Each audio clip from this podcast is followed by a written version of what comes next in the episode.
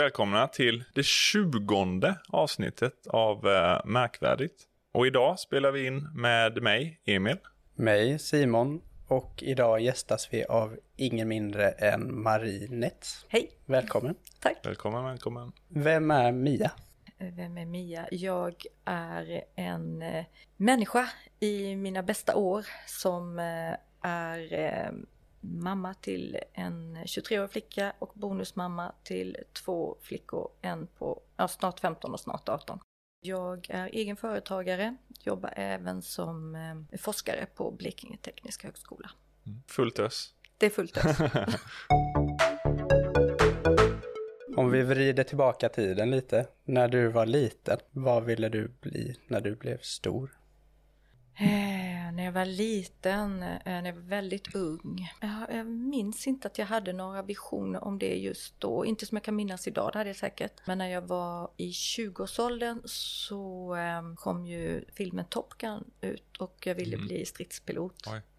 Jag hörde att många ville bli det när den kom ut. Ja. Att det var så här en Ja. stor grej liksom. Ja. Men jag blev faktiskt pilot, fast inte stridspilot. Jaha. Jag blev segelflygare, eller segelflygpilot faktiskt. Så lite pilot är jag ändå. Eller Ja. rätt mycket för att det är ganska avancerat och flyga ett eh, flygplan utan motor. Mm. Du har en chans på dig att landa och det måste gå rätt.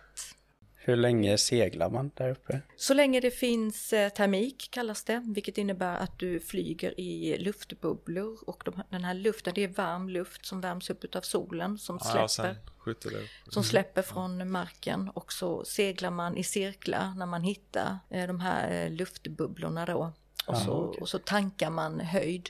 Så kan man, man kan vara uppe en hel dag, man har Så man måste få en känsla Ja, för det här med häftigt. då, liksom när man hittar de här Mm, just det, så det är, det är en konst skulle jag vilja påstå. Ja. Det är en sak att kunna flyga och härbärgera ett, ett, ett flygplan med alla roder och, och så vidare. Sen är det en sak att kunna flyga termik som det kallas då, Ja. ett segelflyg. Att kunna känna Mm. av var hittar jag de här luftbubblorna som du tankar höjd på. Ja, det, det var en spännande tid, men det var länge sedan nu. Men pilot då, hur eh, har det förändrats, de här intressena under årens gång? Oh, jag har varit intresserad av mycket. Jag har eh, varit väldigt idrottsintresserad, är väldigt idrottsintresserad. Men som eh, ung tjej på 80-talet så eh, tänker man ju inte att man ska bli proffs som fotbollsspelare som man kanske gör som kille. För det fanns liksom ingen organiserad proffsfotboll för kvinnor på den tiden. Men jag är faktiskt den första kvinnliga fotbollsspelaren i Blekinge som blev köpt av en annan klubb. Jaha. Oj. Och det är ju lite, Ja, lite idrottshistoria faktiskt. Så Trion köpte mig från Rödeby AIF för 2000 riksdaler på 80-talet och jag fick ingen del i detta. Nej, nej.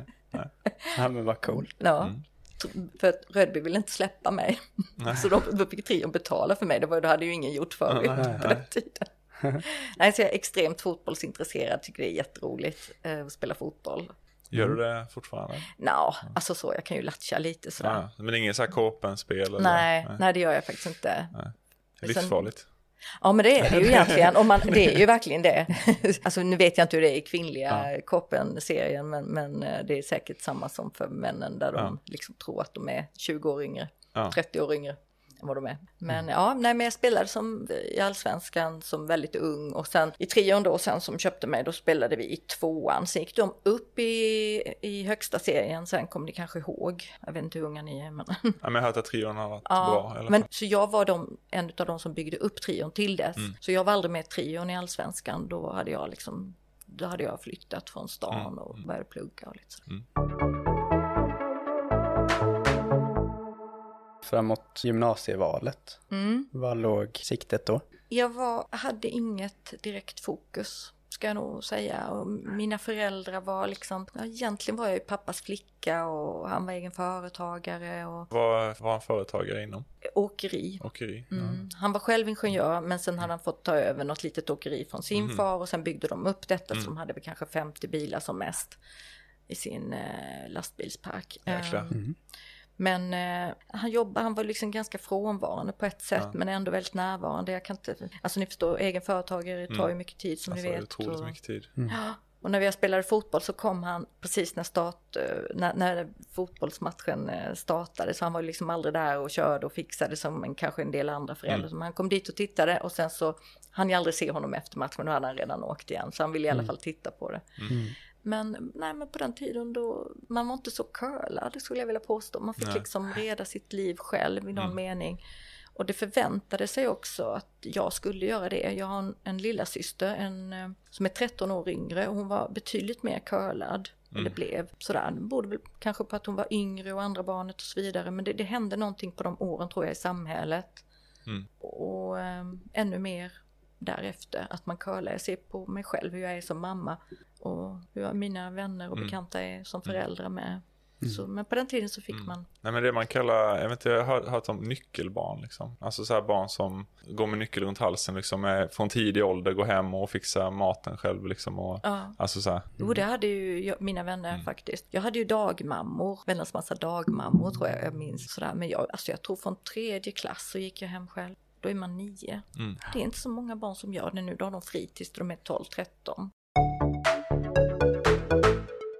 Men vad valde du för gymnasielinje? Jag valde mot mina föräldrars inrådan samhällsvetenskaplig. De tyckte jag skulle gå naturvetenskaplig och det hade de ju faktiskt rätt i för att jag läste in naturvetenskaplig året efter sen och kände att det passade mig bättre. Så jag läste ju egentligen fyra eller nästan tre och ett halvt år på gymnasiet för att jag läste ju tre år då vanligt samhällsvetenskaplig och så läste jag in naturvetenskaplig på ja, jag gick inte två terminer, jag gick väl kanske en och en halv termin så var man klar sen. Ja, du kände direkt att det var något du ville ha med dig liksom, eller ja, mer för dig? alltså så, jag tyckte det var kul med matte och, och fysik, jag tyckte det var roliga ämnen. Så mm. mina föräldrar hade rätt.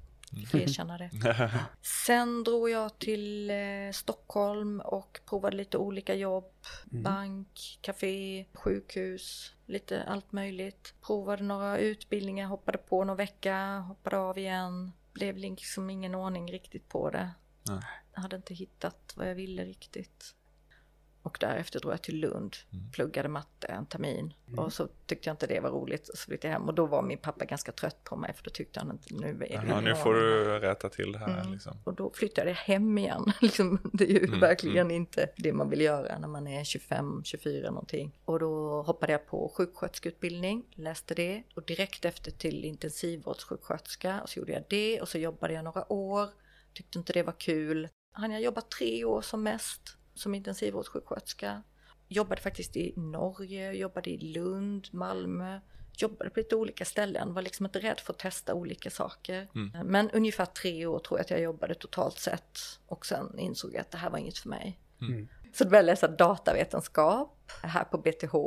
Mm. Hur kommer det sig då? Nej, men då, var det nog liksom, då, då, insåg jag nog att det var lite mer kul med det här med, matematik. Och med, alltså jag tyck, mm. Som dina föräldrar sa redan ja. i gymnasievalet. men, men så är det ju. Mm. Och då var jag nog mer, då hade jag liksom ett annat driv. Ett an, då var jag mer motiverad och kände mig mer fokuserad på min utbildning. Mm. Och därefter så, så fick jag faktiskt möjlighet till en doktorandtjänst mm. efter och mm. sen doktorerade jag. Så det var en krokig väg. Men om vi, om vi går in lite mer på karriären här, vi har ju snuddat vid det mycket. När du letade efter en arbetsgivare, när du skulle ut i arbetslivet, vad var liksom värdefullt för dig då? När du skulle ut och ta ditt första jobb liksom och sen kanske hur det har förändrats också över tid? Egentligen har jag ju inte sökt så många jobb på de sista 20 åren därför att jag hamnade i akademin efter att jag började läsa datavetenskap och tog min master och sen doktorerade och sen har jag liksom varit kvar i akademin. Så där har jag ja. liksom inte sökt några jobb kan jag säga. Men däremot så har jag ju själv varit intresserad av att anställa så att mm. lite mm. inblick har jag i det. Men mm. om man tittar på hur jag gjorde när jag direkt efter gymnasiet flyttade till Stockholm, då fanns det ju inga jobb här nere utan då flyttade ju ungdomar till större städer. Alltså det var med, jag vill ha ett jobb. Ja, liksom. alltså, ja, ja man behöver ett jag jobb. Jag vill tjäna pengar. Och så fick man någon slags bidrag från Arbetsförmedlingen för att man faktiskt flyttade. Aha. Så såg det, till, såg det ut då. Mm. Okej, okay. det är ju spännande. Ja. För då nudgar ju de ja. folk till att flytta till storstäder då. Mm. Motsatsen till hur det är Ja, motsatsen hur det är idag nästan. Mm, men det fanns ju inga jobb och istället Nej. så blev man ju ett äh, i beroendeskap om man stannar kvar. Mm. Och i Stockholm fanns det jättemycket jobb. Ja, ja så man tänkte att ja, men stannar de på, mm. på de små orterna så kostar de bara massa ja. skattepengar liksom. Ja. Så då flyttade man upp dit och då, så man fick ju jobb väldigt lätt i, på, um, på mer eller mindre okvalificerade arbetsplatser då. Så eh, det var liksom inga problem och kom man lite grann från landet då som man gör när man kommer från Karlskrona och flyttar upp till Stockholm så, Mm. och hade liksom ett gymnasium bakom sig och, och hyfsade betyg och sådär. Och så, då, då var arbetsgivaren rätt så nöjd med en. Då, då visste de att det var hö, hög Ja. moral och Ja, ja. Man, man var pl- plikttrogen och så. Mm. Och så, precis så var jag med. Mm. Jag gjorde det jag skulle, skötte, eftersom min pappa var egen företagare så stannade jag inte hemma om, om jag var lite förkyld utan jag gick gärna till jobbet.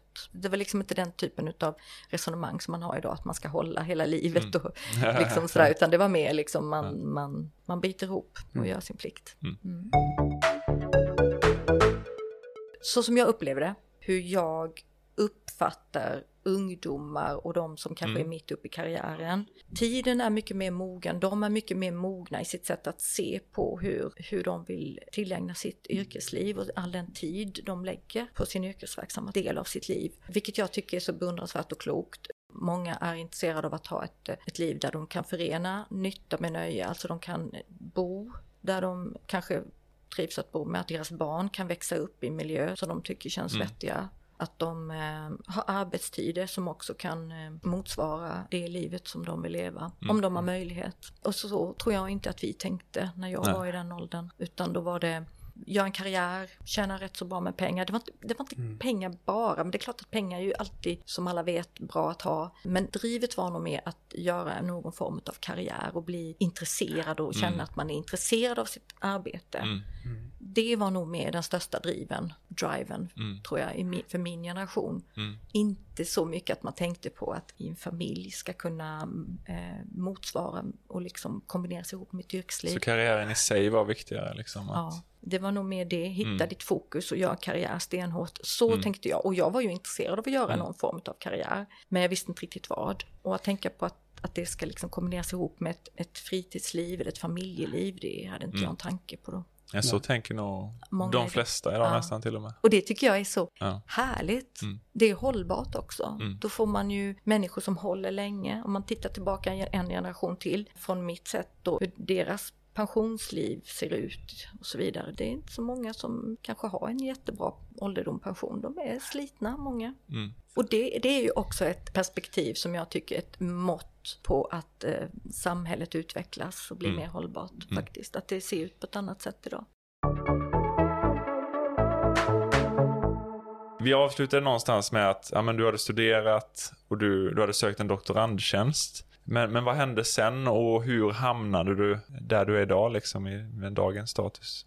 Jag fick den här doktorandtjänsten och anledningen till att jag fick den var ju att jag hade många goda idéer, är mitt take på det. Ja. Jag vet ju inte, det får egentligen fråga någon som anställde mig. Nej, men jag hade ju då en idé om att jag hade ju den här sjukvårdsutbildningen och, och en liten nätt erfarenhet och eh, jag förstod ju hur mycket logistiska problem som fanns inom sjukvården och Mm. i min datavetenskapliga utbildning så hade jag förmånen att gå på ett Eh, licentiatseminarium utav en som blev sedermera en kollega till mig, hon heter Johanna Törnqvist och hon jobbade mycket inom tåglogistik, fokuserade på det med hjälp av datavetenskapliga metoder. Och jag tyckte att det var så intressant det hon pratade om och jag såg parallellerna att hur man kunde använda samma typ av verktyg för att eh, analysera och eh, optimera sjukvårdslogistiken. Så det var liksom min första, vad ska jag säga, aha-upplevelse av att jag kunde utnyttja min datavetenskapliga utbildning som var liksom alldeles fräsch. Och sen hade jag då en, den här sjukvårdsutbildningen bakom mig och lite erfarenhet. Man har ju alltid med sig det. Alltså, så Mm. man, ja men precis. Tror, Nej men då, och de idéerna som växte då eh, la jag fram för eh, BTH och de tyckte det var intressant och jag fick förmånen att doktorera i det. Så då gjorde jag det. Förutom att ha doktorerat då i datavetenskap så vet ju vi att du är grundare av ett företag som heter Sounder. Ja. Men, men vad är Sounder och hur hamnade ni där liksom? Ja men att doktorera är ju egentligen att man utbildar sig till att bli forskare. Mm. Det är ju liksom det som är huvudsyftet, att man ska lära sig de, de vetenskapliga Mm. metoderna för att sen kunna utöva forskning. Under den tiden så skriver man ju då lite konferensartiklar och man skriver tidskriftsartiklar och så vidare. Men ett, en artikel som jag skrev, jag hade en idé om en schemaläggningsmodell eller en, där man kombinerade resurser till uppgifter som ska utföras, vilket i sig inte är någon ovanlighet inom kvantitativ ja, logistik eller schemaläggningsproblem. Men det som var ovanligt var att, att jag applicerade det på just hälso och sjukvården och, det, och en operationsplaneringsproblematik. Mm, mm. Det var liksom det unika. Så jag och en annan kollega tog fram en modell för det. Jag åkte till Frankrike, presenterade den på en eh, konferens och där fick jag jättebra respons mer än vad jag brukar få i någon mening. Mm, mm. Och eh, jag tyckte det var så pass kul, därför att då var det ju, alltså responsen jag fick var att det här skulle vi vilja använda i verkliga livet, det här går ju att använda. Och då, den erfarenheten och det bemötandet jag fick gav mig en så pass enorm kick av att det var faktiskt inte bara ett vetenskaplig artikel som var liksom som ett nästa steg i min karriär, i mm. min akademiska karriär, utan det var faktiskt någonting som någon ville ha, som mm, behövdes. Mm, och det var så häftigt att känna det. Och då sa min man då, Mattias, som hade en bakgrund från IT-sektorn och varit med i några startups, inte som grundare men som eh, delaktig i, i några startups, att eh, vi startade ett bolag kring detta. Och då gjorde vi det. Efter lite research och lite check på hur mm, pass mm. giltigt den här idén var. Men eh, efter att ha träffat och testat idén på några som tyckte, har du patent på den, jag vill vara med och så vidare. Ja, då insåg jag att nej men vi, vi startar ett, ett bolag. Så, mm. så Sounder bygger egentligen på den forskningen som eh, jag och min kollega tog fram. Johan Holmgren heter han. Han var inte intresserad att fortsätta med den entreprenöriella branschen utan han ville fortsätta akademin och han mm. jobbar idag i Malmö. Så därav eh, kommer Sounder mm. kan man säga.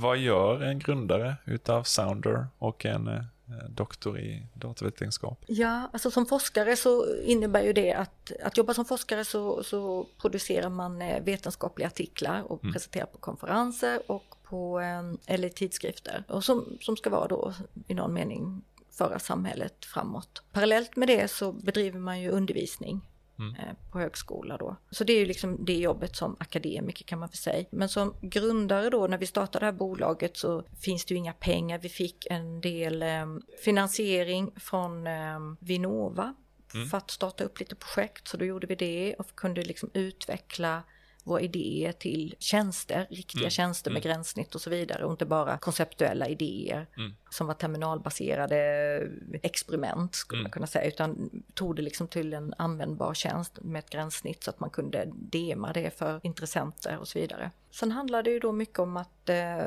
få det här lilla idén som då från, det från början är. Och sen ser med då ett litet bolag som, som har fått lite finansiering då från eh, Vinnova och, mm. och de här projekten. Att få det att fungera och få riktiga kunder som betalar för tjänsterna. Och, och så parallellt då ta fram förbättra tjänsterna, ta fram nya tjänster, mm. försöka förstå vad det är kunden vill ha. För det kunden vill ha är ju inte alltid exakt det du har utvecklat och du tror att de vill ha. Nej, det. det där är ju en eh, superintressant fråga när det gäller startups. Mm. Så den här resultatet som jag presenterade i Frankrike, Lyon, på, på en konferens och som egentligen är grunden till att vi startade Sounder, det är ju egentligen inte det vi säljer idag. Nej, Därför nej. att det var inte lika lätt att sälja som vi trodde. Däremot har ju varianter av det visat sig vara väldigt intressant, men det är ju hjälp av kundfeedbacken har kunnat utveckla och, och ta fram och förfina vår portfölj då.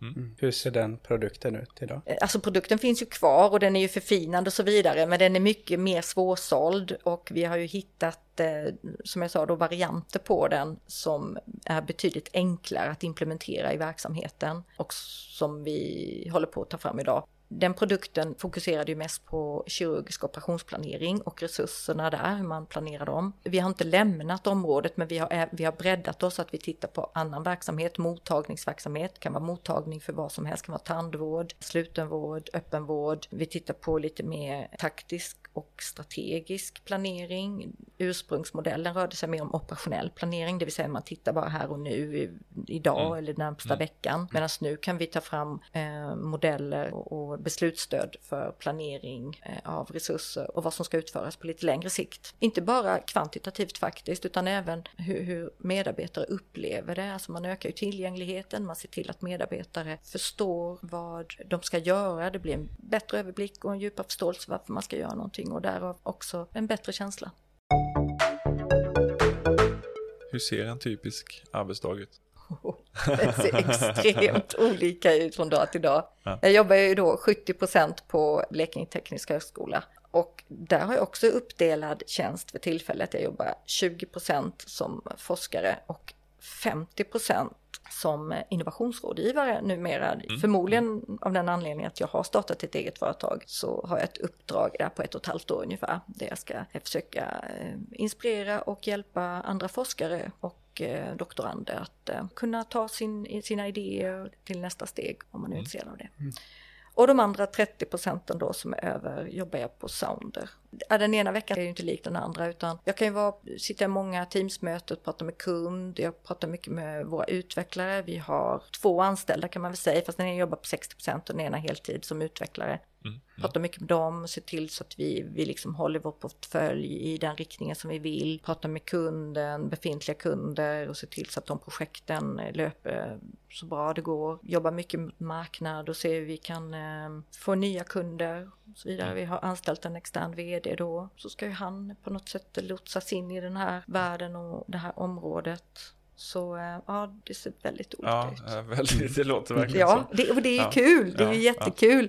Risken är ju då, som ni förstår, att man inte får någonting gjort någonstans, utan det Nej. gäller ju att på något sätt eh, skapa en tillvaro som man hanterar för att kunna hålla fokus. Vilka är de största utmaningarna med ditt jobb? Eller med dina jobb kanske ja, till och. Mina jobb. Ja. Min största utmaning när det gäller sound då, det är ju egentligen att få det att flyga ordentligt. Som det är nu så lever vi ju organiskt, det vill säga vi liksom dra in lite projekt, men vi har vunnit en upphandling, den är överprövad, den är ganska stor. Mm. Får vi den tror vi att vi kan accelerera ordentligt. Mm. Att få till någon offentlig upphandling, några större kunder mm. och se till att Sound flyger är ju det som är drömmen nu då. Mm. Då kan ni visa det för andra ja. sen också, ja. tvillingkunder liksom. Precis.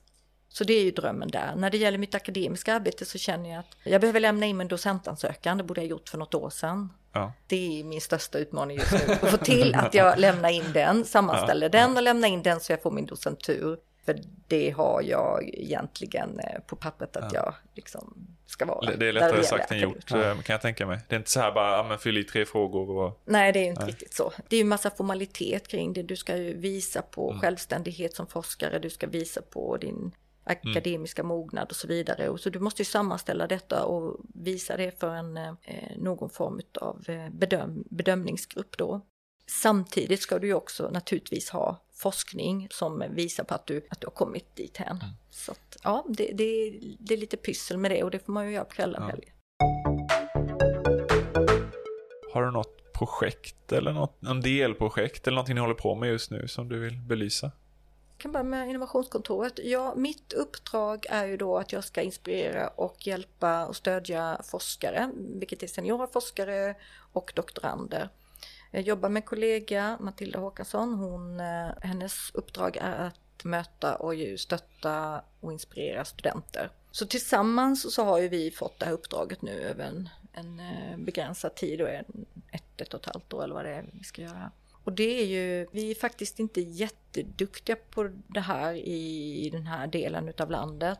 Vi behöver bli mycket bättre i Blekinge. Och orsaken till det finns ju många och vi ska inte stanna där och prata kring det nu. Men det är ju så att vi, vi vill eh, inspirera sådana som inte redan är entreprenörer att verkligen ta steget. Forskare är ju extremt, de, jag känner igen det här själv, men eh, forskare är ju så att de har ju, de besitter ju en mängd idéer mm. och de idéerna är bäst enligt forskaren själv. De är, Så att det finns liksom ingen anledning att försöka sälja för det, idén är så pass bra så den ska sälja sig själv och så ja, ser ju inte verkligheten ja, ut. Men jag känner igen det, det, det, det är liksom så komiskt egentligen att, ja. att man är så kär i sin egen idé och ofta är de ju bra men det finns en eh, skillnad därifrån till att ja. kunden verkligen vill betala för den det, och, och det är mm. det som är den stora utmaningen tror jag för ja. forskare att ta sin idé till att verkligen kunna sälja. Så det är väl det som är mitt uppdrag där och min utmaning. När det gäller sounder så är det väl att få det att flyga helt enkelt. Vad skulle du värdesätta högst hos personer som söker jobb hos dig? I ett sånt här, ett litet företag, det måste vara check på att de har den kompetensen jag söker rent liksom tekniskt. Mm. Men det räcker faktiskt inte, därför att du måste kunna fungera i mitt lilla team. Det måste klicka. Mm. Måste känna tillit. Det behöver inte vara som jag, behöver inte ha samma humor som jag eller oss. Men det måste kännas skönt att eh, hänga. Mm. Det måste klicka på, på så sätt. Vad det, vad nu klicka innebär, men det, är- det är en lite känsla bara. gruppdynamik Ja. liksom. Ja, det är jätteviktigt när vi är så här små. Om det sitter någon och lyssnar här på avsnittet och känner att eh, den där rollen eller den karriären som Mia har, det skulle ju jag vilja ha. Vad är dina bästa tips till en sådan person? När det gäller att bli entreprenör, att gå från någon, alltså ha någon idé, om du är student, inte student eller om du är forskare eller vad du är så. Men det, det, kanske ändå riktar sig mest mot forskare skulle jag påstå. Dels så är det ju att släppa, att släppa taget om det akademiska livet li- och, och liksom våga satsa lite. Om, om det finns möjlighet. Ofta så har man ju andra saker i livet som måste betalas. Man har kanske familj och hus och, och så vidare. Och, och det måste ju liksom ekonomiskt gå ihop. Så man är inte 20 år och kan liksom leva i en etta och på noll och Nej, ingenting. nej. Och liksom bara satsa på sitt företag. Utan man har ju på något sätt skapat sig ett, ett liv som måste dras runt. Men att om så långt som möjligt kunna släppa och, och kunna satsa på det entreprenöriella då. Det är ju naturligtvis A och. Men som forskare också att våga möta kunden. Gå inte på din idé i år efter år efter år och tro att det är den bästa idén som finns därför att kunden kommer. Alltså du, man måste våga möta kunden så att du kan få bekräftelse på att du är på, i rätt riktning. Det och göra det så snabbt som möjligt. När det gäller det akademiska livet så tror jag att det är andra som har bättre tips. Jag har en kollega som, som, som sa till mig så här en gång. Marie, sa han, om du inte blir professor så är det ett akademiskt självmord. Akademiskt. Så jag är ju i princip halvdöd redan. Ja, Ja. Jag ska bli docent i alla fall. Idag har jag faktiskt med mig myter och fakta om AI. Eh, som ni ändå jobbar med en AI slash, slash eh, machine learning eh, lösning så tänkte jag att det kan vara relevant. Sen förstår jag, men du är en så här superexpert på så här generell AI och, och hela den här biten liksom. Men jag tänker att jag, jag har några myter och jag har några fakta och så tänkte jag vi reagerar på det liksom. Så den första myten är enligt den här, får jag väl säga då, enligt den här källan, så vi får väl ta det med en nypa salt, är att eh, oh, superintelligens är eh, helt oöverkomligt och vi kommer vara där eh, senast eh, eh år 2100. Och då, då är faktan, det kanske händer eller så händer det inte. Eh, många experter säger att ja, det beror lite på liksom. Vad säger ni om det? Då? Ja, jag tror ju att det kommer, absolut så kommer AI att ta en betydligt större plats i samhället. Mm. Det jag kallar superintelligens, alltså som det är nu så är vi så väldigt beroende av att utveckla AI för ett visst koncept. Så du måste ha väldigt mycket kunskap om just det Ett visst konceptet. användningsområde Ja, och mycket, mycket data. Precis, liksom, och du måste där- ha uppbyggt en kunskap kring det för att AI ska kunna göra någonting som är vettigt, relevant. Och det tror jag att kommer att släppas i framtiden. Mm. Ja. När kan jag inte säga, men när det händer så behöver AI inte veta vilket område det handlar om. Den läser det ändå. Ja. Nästa myt då, eh, det är att det är bara outbildade personer som är rädda för AI. Och faktan de beskriver är att det är både forskare och experter som är väldigt oroliga för vad som skulle kunna hända och hur det kan appliceras. Jag tycker det säger sig självt, jag menar det spelar ingen roll vem du är. Eller så här, det är klart man kan vara orolig Absolut. för det ändå liksom. Ja. ja. All förändring är ju orolig och obehaglig. Mm. Mm.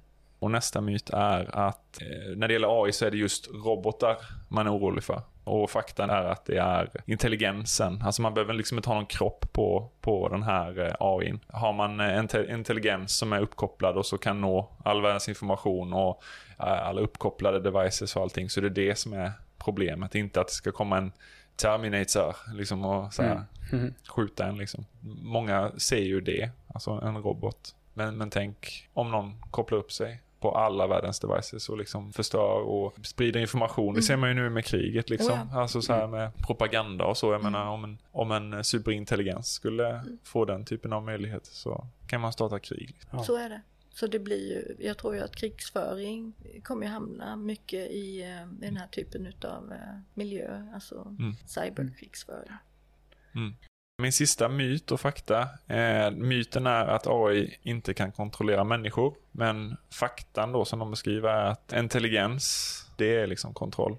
Vi kan ju kontrollera tigrar exempelvis och stora liksom, djur. För att vi är smartare än vad de är. Och det är det som är, det är det man ska vara rädd för liksom. Att man har en AI eller en superintelligens som är smartare än vad vi är. För då kan de kontrollera oss. Liksom. Eh, Singularity, känner ni till det? Superintelligens då typ? Ja, alltså ja. Det diskuteras ju flitigt. Mm, mm, Just singularity, precis som du beskriver, när det är out of control, Mm, när människan inte längre kan kontrollera intelligensen, när den har på något sätt tagit sig steget över. Men det finns ju väldigt mycket just nu som är utanför vår kontroll. mm, mm. I rymden och väder och vind och krigsföring bland unpredictable persons. Ja, just det, just det. Utan att nämna några Ja, namn. Liksom. Så att de här typen av eh, irrationella beslut som tas eh, och som Ja. eh, har mycket makt det är också väldigt obehagligt. Mm, mm. Mm. Ja, då kanske till och med potentiellt sett en... Kanske ja, mycket farligare kan- än ja, vad den här precis. intelligensen och är. att den kan hindra den typen av Ja. beslut från fel personer. Liksom. Och, Ja, man får vända på det och se det så Mm. istället. För att eh, hur var det för hundra år sedan? Hur levde människor då? Var sjukdomar och ekonomisk tillväxt fanns ju inte bland dem och det var ett mycket orättvist Mm. samhälle Mm. i någon mening. Så att Mm. jag tycker det är okej att vara rädd men man ska ställa det till, tillbaka till historien, paritet till hur människor hade det då så Mm. kanske man inte behöver vara så rädd. Jag slänger på någon liten kuriosa detalj här istället för att dra en hel AI-lista till. Ja. Idén med AI-teknik är äldre än man kanske tror. När tänker ni att, att AI-teknikens tankar föddes? 60-talet. Det är ganska nära den, eh, om man ska säga forskningsbaserade. 1950, Alan Turing, Turing-testet. Turingmaskinen ja. en engelsk datavetare, kryptograf och matematiker som anses vara AIns fader på grund av det så kallade Turing-testet Mm. av maskinintelligens. Men trots detta så dök själva idén om artificiell intelligens upp långt innan dess. Låt oss bara minnas de stora robotarna i Hephaistos från den grekiska mytologin. Han skapade gyllene tjänare för att hjälpa honom och bord som kunde lyda röstkommandon, vilket är en slags eh, Google Assistant Mm. från ja, 2500 år tillbaka. Coolt. Ja, det är.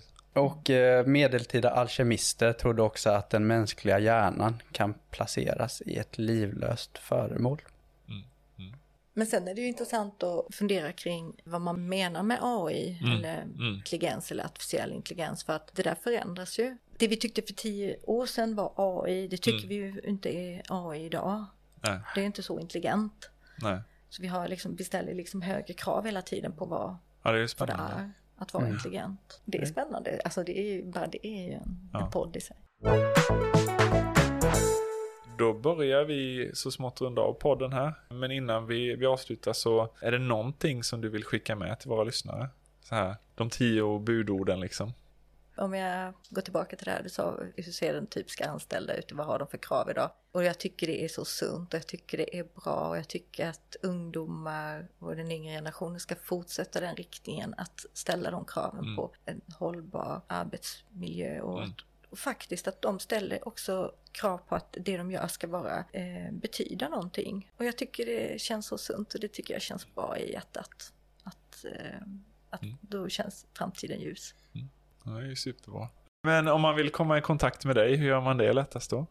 Eh, man mejlar mig. Maila mig. Så det är Marie med e, marie.nets, n-e-t-z, at sounder.com. Mm. Sounder ska då inte förväxlas med Snowden. Snowden. Sounder stavas S-O-W-N-D-E-R. Och eh, vill ni komma i kontakt med oss så når ni oss som vanligt på våra sociala kanaler at markvarditpodd eller via mail på markvarditpodd at gmail.com. Då avslutar vi dagens avsnitt. Mm. Stort tack för att ni har lyssnat. Hej då!